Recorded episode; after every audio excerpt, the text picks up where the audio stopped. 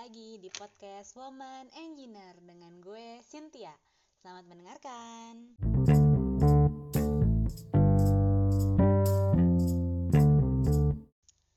Hai, untuk kali ini kita masih bercerita seputar dunia kerja engineer nih dari kacamata gue. Seorang wanita yang kebetulan punya profesi sebagai seorang civil engineer. Nah, untuk episode kali ini gue mau bercerita nih tentang alasan atau mungkin bagaimana sih gue akhirnya memutuskan untuk mencari pekerjaan baru.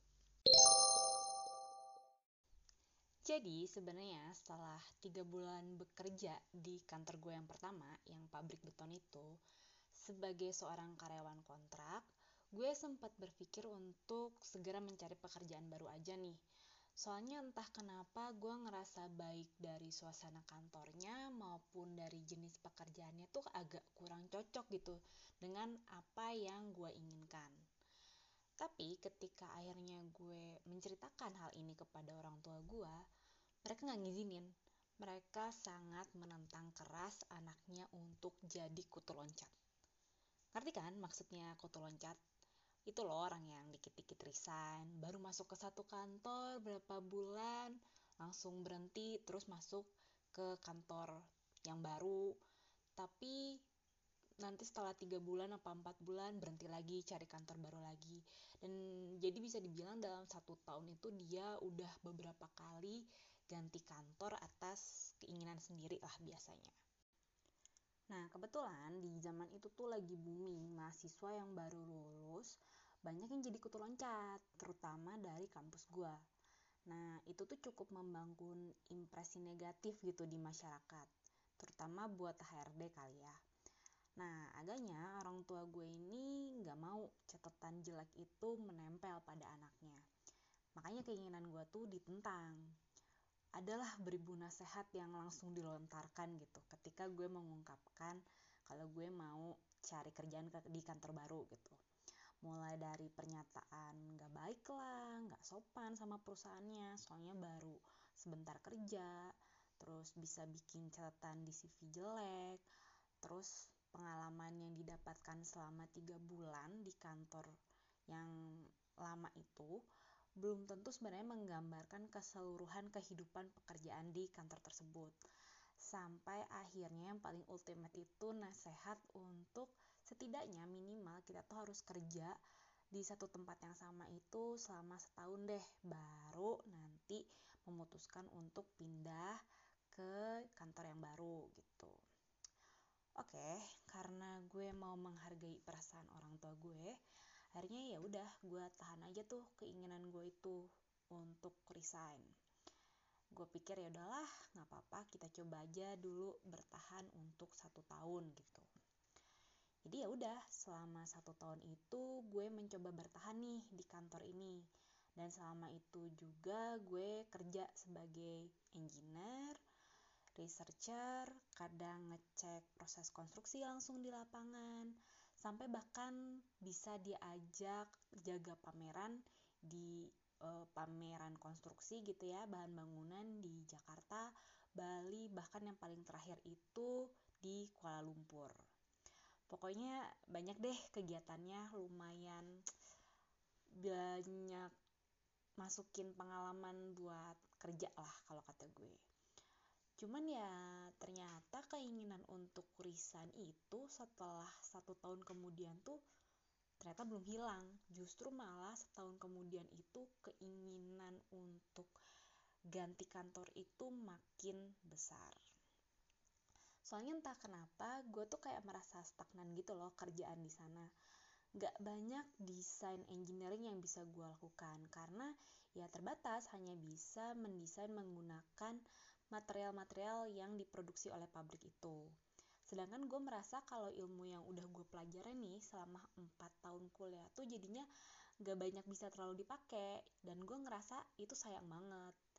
Gue tuh pengen gitu kayak punya profesi kayak temen-temen gue yang udah kerja di konsultan gitu yang banyak menghasilkan desain-desain yang cukup variatif dibandingkan kerja di kontraktor atau bahkan pabrik e, material khusus kayak gue. Ya udah akhirnya mendekati satu tahun kerja nih di kantor gue yang pertama itu akhirnya gue bergerilya nih nyari kantor baru. Dan itu via teman-teman gue.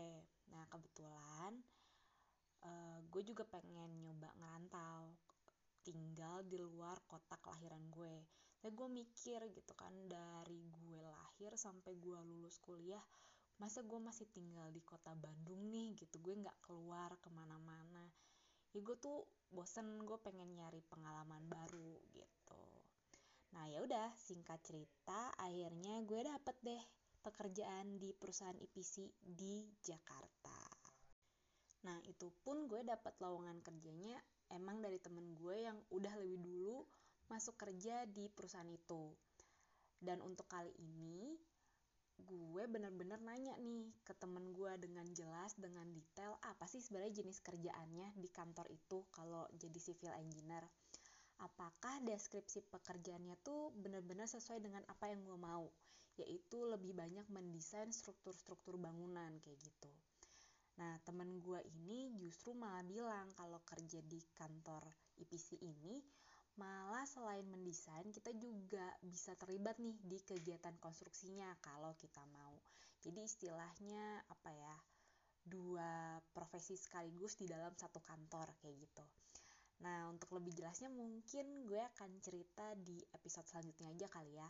Karena di episode kali ini gue mau fokus cerita tentang uh, masalah mahasiswa fresh graduate yang selalu pengen jadi kutu loncat gitu. Well, kita lanjut lagi nih ya topiknya tentang si kutu loncat. Menurut gue pribadi sih sebenarnya ketika lo baru lulus kuliah, wajar banget deh kalau kamu pengen mendapatkan pekerjaan terbaik. Entah itu dari sisi gaji, lingkungan kerja, maupun jenis pekerjaan itu sendiri. Pengennya tuh sesuai dengan cita-cita kalian. Itu wajar banget.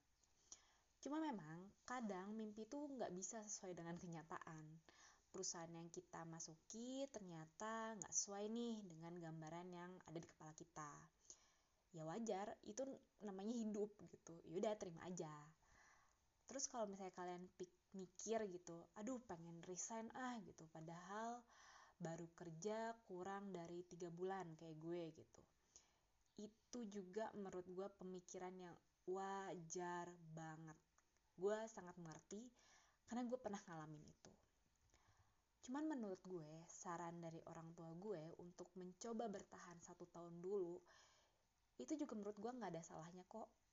Karena toh memang pengalaman bekerja beberapa bulan di suatu tempat, itu memang belum tentu menggambarkan semua hal yang ada di kantor tersebut. Kecuali nih, kecuali perusahaan kita, si kantor itu memang separah itu. Misalnya, ternyata jenis pekerjaannya itu mengerjakan hal-hal yang tidak sesuai dengan norma-norma kebaikan di masyarakat. Kayak misalnya penipuan gitu. Nah ya kalau misalnya udah kayak gitu, bolehlah kita cepet-cepet angkat kaki dari kantor tersebut daripada kita nanti keseret-seret ke kasus pidana gitu kan.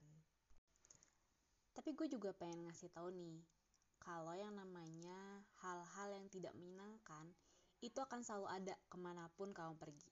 Sekalipun kantormu yang baru itu lebih baik, lebih besar, atau mungkin lebih terkenal daripada kantor yang sebelumnya. Pasti akan ada satu atau dua hal deh yang gak cocok sama kalian, atau yang kalian sebelin dari kantor tersebut. Tinggal pertanyaannya, kamu bisa tolerir atau enggak gitu. Itulah kenapa sampai sekarang gue belum berminat nih untuk resign dari kantor gue yang sekarang. Kenapa? Karena hal-hal yang gue tidak sukai dari kantor ini tuh masih tergolong bisa gue tolerir. Ya selain kalau boleh jujur nih, gue juga males sih sebenarnya untuk ngurusin segala tetek bengek kalau kita resign. So, apa sih yang gak bisa kalian tolerir gitu kan? Apakah gajinya yang kecil? Loh, bukankah ketika kita wawancara kerja, seharusnya ketika kita dapat penawaran gaji nih, kita bisa loh nego besaran gaji kita. Kalau tawaran ki mereka ternyata nggak sesuai nih dengan keinginan kita, ya kenapa kita terima? Nah, di sinilah pentingnya sebenarnya kita punya ilmu manajerial keuangan untuk pribadi kita. Biar gaji kita tuh akan selalu cukup untuk kehidupan kita sehari-hari. Atau kalau untuk gaji misalnya kita ngerasa ya udahlah kalau gaji oke okay kok cukup gitu untuk kehidupan sehari-hari gue juga masih bisa hidup, gue masih bisa nabung. Tapi gue males gitu di kantor itu karena misalnya bosnya galak atau ada kolega yang ngeselin.